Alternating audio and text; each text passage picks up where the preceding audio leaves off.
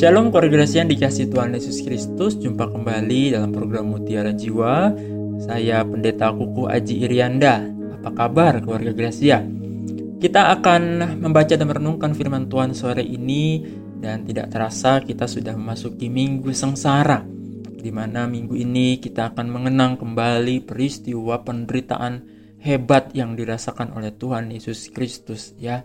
Mulai dari pengkhianatan muridnya, penyangkalan muridnya, sampai dengan dia mati di atas kayu salib dan akan bangkit pada hari Minggu. Mari kita berdoa terlebih dahulu kita minta hikmat dari Tuhan. Mari kita berdoa. Bapa dalam sorga terima kasih kami boleh memasuki minggu-minggu prapaskah dan kami akan sudah memasuki minggu sengsara Tuhan Yesus di mana kami akan mengenang betapa baiknya Tuhan itu yang rela menderita berkorban untuk kami. Mari Tuhan Engkau ajar kami, Engkau memberi hikmat kepada kami untuk kami mengerti akan sabda Tuhan. Dalam nama Tuhan Yesus kami berdoa. Amin. Progresi yang dikasih Tuhan Yesus Kristus, um, bacaan kita hari ini terambil dari Lukas 22 ayat 24 sampai dengan 34. Lukas 22 ayat 24 sampai dengan 34. Sekali lagi Lukas pasal 22 ayat 24 sampai dengan 34. Firman Tuhan akan saya bacakan untuk kita semua. Lukas 22 ayat 24 sampai dengan 34. Firman Tuhan. Terjadilah juga pertengkaran di antara murid-murid Tuhan Yesus. Siapakah yang dapat dianggap terbesar di antara mereka? Tuhan Yesus berkata kepada murid-murid, Raja-raja bangsa-bangsa memerintah rakyat mereka dan orang-orang yang menjalankan kuasa atas mereka disebut pelindung-pelindung. Tetapi kamu tidaklah demikian, melainkan yang terbesar di antara kamu hendaklah menjadi sebagai yang paling muda dan pemimpin sebagai pelayan. Sebab siapakah yang lebih besar, yang duduk makan atau yang melayani? Bukankah dia yang duduk makan? tetapi aku ada di tengah-tengah kamu sebagai pelayan. Kamulah yang tetap tinggal bersama-sama dengan aku dalam segala pencobaan yang aku alami. Dan aku menentukan hak-hak kerajaan bagi kamu. Sama seperti Bapakku menentukannya bagiku. Bahwa kamu akan makan dan minum semeja dengan aku di dalam kerajaanku. Dan kamu akan duduk di atas tahta untuk menghakimi kedua belas suku Israel. Simon, Simon, Lihat iblis telah menuntut untuk menampi kamu seperti gandum, tapi aku telah berdoa untuk engkau, supaya imanmu jangan gugur. Dan engkau, jikalau engkau sudah insaf, kuatkanlah saudara-saudaramu. Jawab Simon Petrus, Tuhan, aku bersedia masuk penjara dan mati bersama-sama dengan engkau. Tetapi Tuhan Yesus berkata, Aku berkata kepadamu Petrus, hari ini ayam tidak akan berkokok sebelum engkau tiga kali menyangkal bahwa engkau mengenal aku. Demikian Injil Tuhan Yesus Kristus keluarga Gracia. Keluarga Gracia suatu kali ada sepasang suami istri, papa dan mama begitu ya. Mau bercerai ya. Nah kemudian si papa berkata, Papa dan mama mau bercerai. Kalian pilih anak-anak. Mau ikut papa atau ikut mama? Bentak si papa. Nah anak pertama nangis, keluarga Gracia terseduh-seduh ya, memeluk ibunya ya. Dia bingung harus menjawab apa. Tapi kemudian di dalam isak tangisnya dia berkata, "Aku ikut mama" sambil dia peluk mamanya. Nah, anak kedua juga menangis. Dia bingung karena papanya menghadapkan satu pilihan yang tidak mudah. Tetapi di dalam tangisnya, anak kedua juga berkata, "Saya juga ikut mama." Yang terjadi kemudian si papa terdiam. Lalu tersipu-sipu dia berkata, kalau begitu, papa juga ikut mama saja.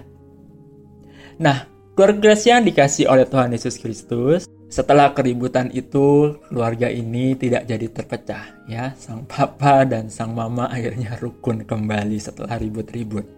Ya, uh, keluarga yang dikasih Tuhan Yesus Kristus, ribut dan rukun adalah bagian yang tidak akan pernah bisa terpisahkan dari sebuah keluarga. Ya, di dalam bukunya pendeta Dr. Andar Ismail berkata bahwa kalau nggak mau ribut di dalam sebuah keluarga gampang. Ya, menikahlah dengan pasien rumah sakit jiwa. yang sepanjang hari tersenyum sendirian gitu ya atau yang kedua menikahlah dengan orang bisu tuli yang gak bisa mendengar ya mendengar omelan mendengar keluhan dan juga yang tidak bisa bicara pendeta Andres Mail berkata kalau suami istri yang namanya adik dan kakak sesekali ribut itu normal ya yang penting habis habis ribut harus rukun kembali Ya, keluarga kenyataan ribut lalu kita baikan lagi itu adalah sebuah realita. Ya, biar bagaimanapun damainya sebuah keluarga, bukankah dalam kenyataannya ya yang namanya ribut-ribut ya pasti ada. Ya, ribut itu kayak garam dalam sebuah masakan gitu ya. Kalau nggak ada garam ya nggak ada rasanya gitu ya. Jadi ya ribut itu sebuah pelengkap di dalam sebuah relasi, apalagi relasi yang dekat apalagi dalam keluarga. Mana ada sih suami dan istri yang gak pernah ribut, istri dan suami pendeta juga pernah ribut. Atau mana ada adik dan kakak yang gak pernah bertengkar begitu ya. Atau anak dan orang tua yang gak pernah ya bertikai begitu ya. Jadi menurut hemat saya lebih baik kita memang bersikap realistis dan mengakui ya bahwa ribut dan berdamai rukun lagi memang satu hal yang saling nggak terpisahkan ya dalam perjalanan kehidupan kita sebagai sebuah keluarga.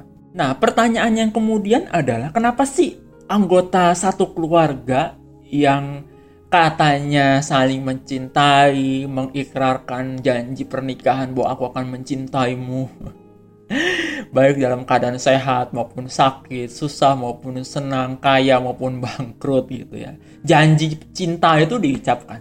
Dan pada saat yang sama, toh juga dalam perjalanannya bertengkar juga. Ya, tentu uh, di dalam kita bertengkar dalam sebuah keluarga beda-beda ya penyebabnya. Tetapi keluarga saya secara umum ya, penyebab hakiki adalah kita berantem itu justru karena kita saling mencintai ya. Saya ulangi, justru ketika kita bertengkar itu salah satunya memang karena kita justru saling mencintai. Nah, memang di sini terdapat paradoks dan juga kausalitas ya. Paradoks itu berarti suatu hal yang bertentangan ya, cinta tapi ribut. Ya, ribut tapi cinta ya. Dan juga kausalitas ya, kausalitas itu dua hal yang saling menyebabkan ya Kenapa bisa begitu? Yang pertama tuh kita mesti sadar keluarga ya bahwa anggota-anggota satu keluarga itu sesungguhnya adalah orang-orang yang paling dekat dengan kita. Itu dulu ya. Nah, karena mereka adalah orang-orang yang paling dekat dengan kita, maka kita menganggap bahwa mereka itu adalah orang-orang yang harusnya bi bisa kita andalkan.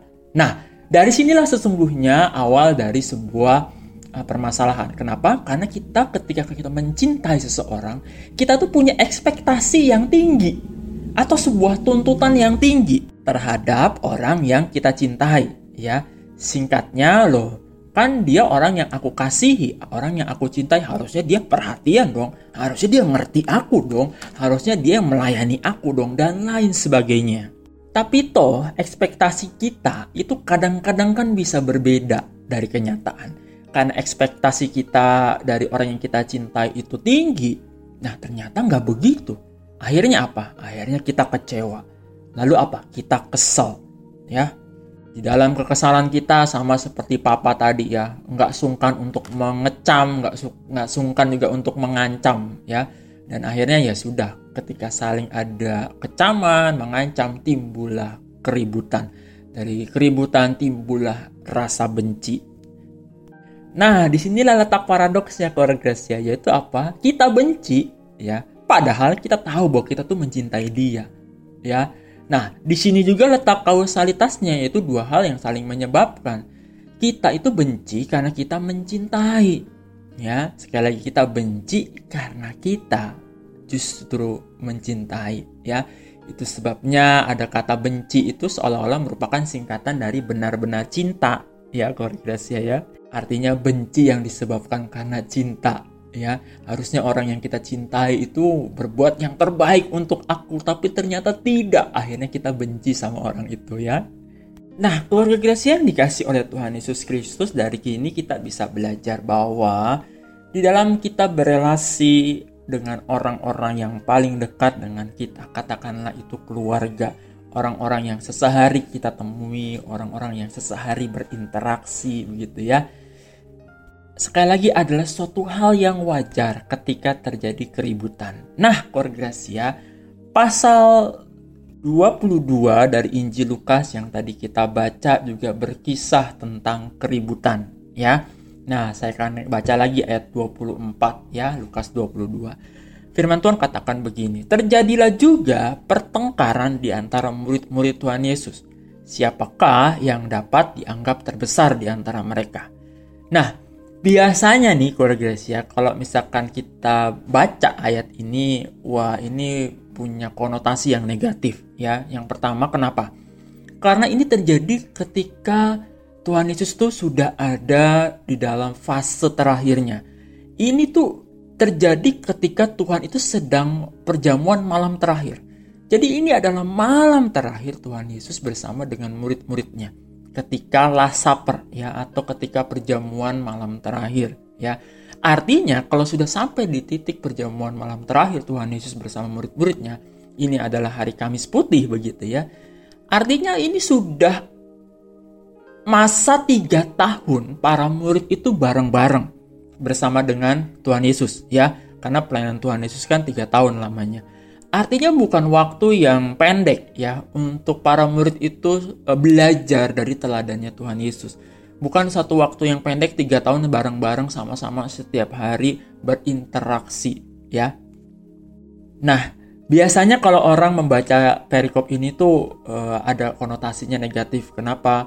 Biasanya kita akan cenderung bilang uh, dengan gampang, wah udah tiga tahun begitu ya sama-sama Tuhan Yesus, sering dengar khotbahnya Tuhan Yesus begitu ya, uh, bahwa Tuhan Yesus itu adalah seorang uh, Mesias yang melayani dan lain sebagainya gitu. Yesus datang bukan untuk merebut kekuasaan dalam sebuah revolusi, enggak, tapi justru Yesus hadir untuk terjadinya rekonsiliasi ya antara umat yang berdosa dengan Allah. Tiga tahun lah mereka e, mengenyam pendidikan bersama dengan Tuhan.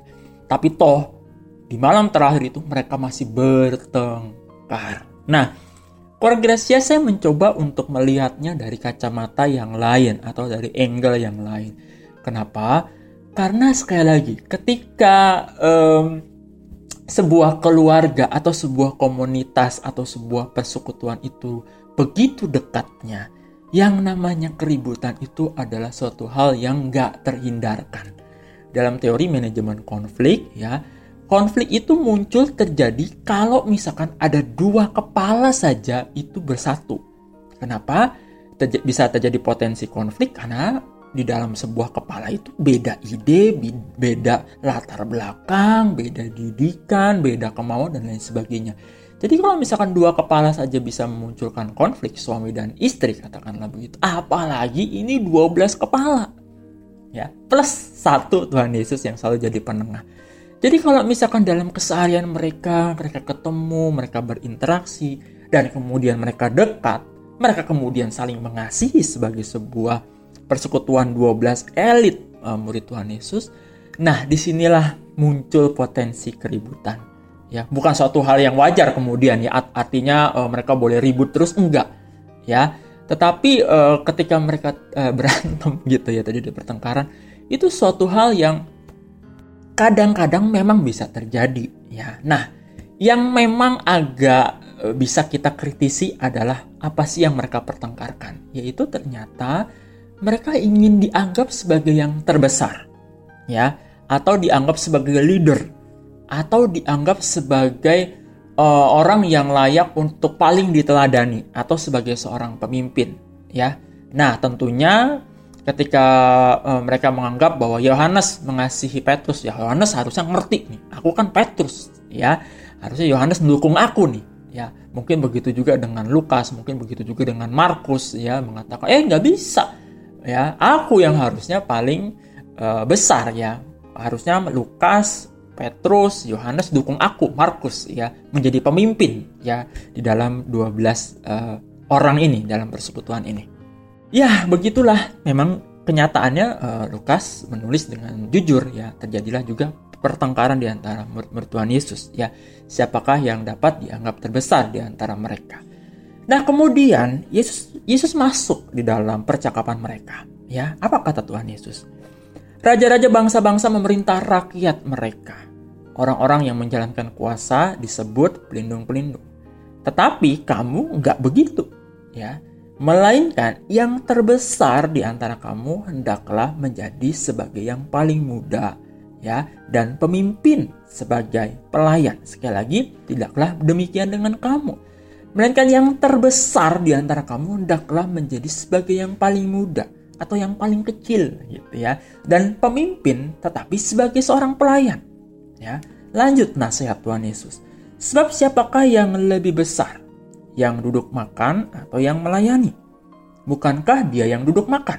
Ya, karena yang duduk makan itu pastinya seorang tuan, ya, atau yang punya kuasa, atau yang punya jabatan, atau yang punya kedudukan. Sedangkan yang melayani pasti kacung, ya, pasti pembantu, ya. Tetapi kata Tuhan, ya, aku ada di tengah-tengah kamu sebagai pelayan, ya Aku gurumu, aku rabimu, ya aku Tuhanmu yang engkau ikuti selama ini, ya aku ada di tengah-tengah kamu justru sebagai pelayan.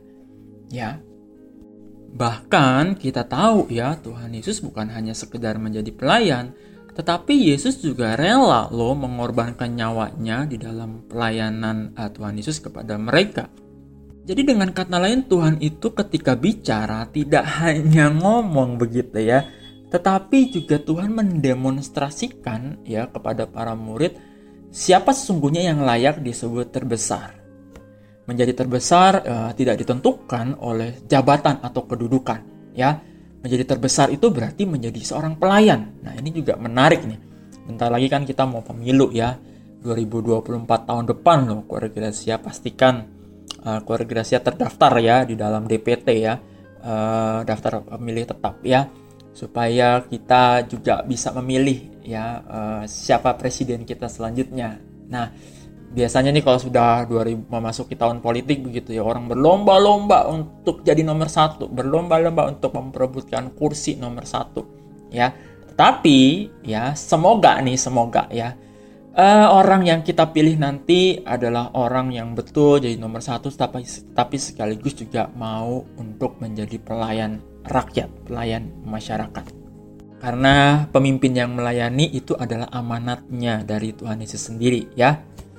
Siapa siapa saja yang melayani sesama seperti Tuhan Yesus melayani adalah orang yang terbesar di dalam kerajaan Allah. Nah ini yang penting sekali Siapa yang melayani sesama seperti Tuhan Yesus yang melayani banyak orang, dialah sungguhnya yang disebut Tuhan yang terbesar di dalam kerajaan Allah. Jadi ternyata ukuran besar atau kecilnya di dalam kerajaan Allah itu bukan apa yang kita miliki di dunia ini, bukan betapa kayanya uang yang tidak ada serinya di dunia ini. Ya, ketika kita meninggal tidak satu rupiah pun kita bawa pulang ke sorga. Ya, tetapi yang terbesar di antara semuanya adalah yang mau melayani sesamanya. Dan Tuhan juga kemudian memberikan satu janji ya kepada para murid. Dan aku menentukan hak-hak kerajaan bagi kamu. Sama seperti Bapakku menentukannya bagiku. Bahwa kamu akan makan dan minum semeja dengan aku di dalam kerajaanku. Dan kamu akan duduk di atas tahta untuk menghakimi kedua belas suku Israel. Dan kita tahu ya keluarga Gracia setelah peristiwa kematian dan kebangkitan Tuhan Yesus 12 murid ini kecuali Yudas ya eh, adalah orang-orang yang uh, melayani Tuhan ya uh, secara radikal bahkan mereka mati secara martir begitu ya demi tersebarnya Injil kerajaan Allah. Nah, lewat renungan kali ini kita juga diingatkan keluarga Gracia untuk apa? Untuk setia di dalam melayani Tuhan, untuk setia di dalam mengikut Tuhan, untuk setia di dalam memikul salib Tuhan. Adalah suatu hal yang wajar Gracia jika di dalam persekutuan kita melayani Tuhan ya apa pun itu kepanitiaan ataupun di dalam kepengurusan sebuah organisasi gereja terjadi ribut ya terjadi selisih pendapat terjadi konflik ya. Nah, sekali lagi itu jangan dibesar-besarkan atau atau dapat membuat kita itu mundur dari pelayanan atau dapat membuat kita tuh sakit hati ya. Atau dapat membuat kita kecewa yang berkepanjangan ya koregrasia ribut itu menjadi bagian yang tidak terpisahkan sekali lagi ya dalam relasi kita dengan keluarga dalam relasi kita dengan sahabat kita ya dalam relasi kita dengan rekan-rekan sepelayanan itu suatu hal yang wajar saja yang penting adalah ketika kita berargumen itu ya uh, beda pendapat itu biasa. Tetapi setelah selesai kita beradu argumen, setelah selesai kita rapat misalkan, ya sudah kita baik lagi. Nah, itu yang paling penting. Ya. Kita berelasi baik lagi. Relasi yang baik itu harus ada di atas uh, segala konflik begitu ya. Artinya bagaimanapun usahakanlah begitu ya untuk terus punya hubungan yang baik. Ada kata maaf dan memaafkan di situ, ada kata uh, saling memahami, saling mengerti satu dengan yang lain. Ya, ketika kita ada ikut ambil bagian di dalam sebuah pelayanan, kita bukan mencari siapa yang terhebat. Ya, kita bukan mencari siapa yang terbesar. Kita bukan mencari ide siapa yang paling baik tidak. Tapi bagaimana kita bisa menemukan kesepakatan bersama tanpa harus ya membuat orang sakit hati, ya tanpa harus e, merendahkan orang lain misalkan. Nah, itulah sebuah konflik yang konstruktif ya. Konflik yang konstruktif itu ada ketika kita bisa saling sama-sama cari uh, yang terbaik ya. Konflik yang konstruktif itu adalah ketika kita bisa sama-sama mencari uh, keputusan gitu ya tanpa perlu merendahkan. Sedangkan konflik yang destruktif atau yang menghancurkan adalah ketika kita dalam sebuah pelayanan atau dalam sebuah keluarga gitu ya kita ribut tapi kemudian kita merendahkan kita menjatuhkan orang lain dan membuat orang lain sakit hati sekali lagi cara kita berkomunikasi ya cara kita menjalin relasi itu satu hal yang paling penting di dalam kita berrelasi dengan eh, rekan-rekan uh, pelayanan kita maupun di tengah-tengah keluarga ya Jadilah suami yang bertutur kata yang sopan kepada istri. Jadilah istri yang juga menghormati suaminya dengan bertutur kata yang lemah lembut. Jadilah orang tua yang juga berkomunikasi dengan baik, menghargai anak sedemikian rupa. Jangan mentang-mentang kita orang tua, ada hierarki yang begitu tinggi, yang begitu tebal. Seolah-olah anak itu tidak punya ruang untuk bersuara. Sehingga uh, nada kita bicara itu adalah nada-nada yang otoriter gitu ya. Nah, untuk itu mari kita tetap, tetap terus setia melayani ya terkhusus juga bagi saudara bagi warga Gaza yang terlibat di dalam panitia pasca ya kalau terjadi konflik-konflik itu suatu hal yang biasa yang lebih penting adalah bagaimana setelah konflik itu kita tetap bisa baik dengan semua orang ya Nah yang terakhir kalau bicara soal kesetiaan di teks kita itu ada kisah penutup di mana Simon Petrus Tuhan Yesus peringatkan bahwa engkau akan tiga kali menyangkal aku ya. Bahwa engkau mengenal aku ya kata Tuhan Yesus. Ya aku berkata kepadamu Petrus hari ini ayam tidak akan berkokok sebelum engkau tiga kali menyangkal bahwa engkau mengenal aku. Ya mungkin terkesan kontradiktif ya. Lo bicara soal kesetiaan kok uh, teksnya ngomong berkisah tentang uh, penyangkalan Petrus ya. Ya uh, kita nggak kita jangan um, mematok kisah ini. Ya betul Petrus pernah menyangkal Tuhan Yesus tapi yang jauh lebih penting adalah pasca kebangkitan Petrus itu menjadi orang yang luar biasa ya. Dia berkhotbah ya. 3000 orang memberi diri dibaptis. Ya itulah Petrus ya. Dan kita tahu ya di bagaimana tuh uh, Petrus itu di, uh, mati begitu ya ketika dia uh, mati dengan cara disalib terbalik begitu ya. Petrus menganggap bahwa dirinya tidak layak untuk disalib seperti Tuhan Yesus. Ya oleh sebab itu untuk menyatakan iman dan setianya mengikut Yesus sebagai muridnya, ya dia maju ke kota Roma untuk menghadapi hukuman mati ya dengan cara yang dia merasa tidak layak disalib berdiri oleh sebab itu dia merasa aku ini hambanya Tuhan ya. Maka aku lebih baik disalib terbalik ya. Nah oleh sebab itu di lapangan Santo Petrus di Vatikan ya kalau keluarga Gracia main ke sana nah di situlah uh, letak di mana uh, Petrus ya disalib terbalik. Nah itulah kesetiaan Petrus di dalam mengikut Tuhan. Nah, semoga kita juga pada akhirnya kita tetap setia mengikut Tuhan ya, berapapun atau sebesar apa pun tantangan dan rintangan yang kita hadapi. Selamat hidup rukun, selamat hidup eh, terus berdamai dengan di tengah-tengah keluarga dan juga di tengah-tengah uh, gereja, di tengah-tengah persekutuan kita, di tengah-tengah persahabatan kita. Tuhan Yesus memberkati. Mari kita berdoa. Tuhan, salah satu teladan yang Engkau berikan kepada kami adalah bicara tentang kesetiaan melayani. Melayani itu bukan ada di dalam kedudukan yang paling tinggi. Melayani itu bukan ada di kedudukan yang paling besar tapi melayani adalah ketika kami ikut ambil bagian dalam hal-hal yang kecil dan kami setia melakukannya. Tuhan melayani mengikut Tuhan itu tidak mudah. Oleh sebab itu, ajar kepada kami untuk selalu ingat teladan kasih setia Tuhan yang terus rela memikul salib lewat via dolorosa betapa menderitanya Tuhan, tapi toh Tuhan setia sampai akhir. Jangan biarkan kami mundur, Jangan biarkan kami meninggalkan pelayanan kami. Di dalam nama Tuhan Yesus kami berdoa. Amin. Baik keluarga Gracia, selamat memasuki minggu sengsara Tuhan Yesus. Selamat mengenang kebaikan dan cinta kasih Tuhan di tengah-tengah persekutuan saudara dan keluarga saudara. Pendeta Kukuh pamit undur diri, sampai jumpa. Tuhan Yesus memberkati. Amin.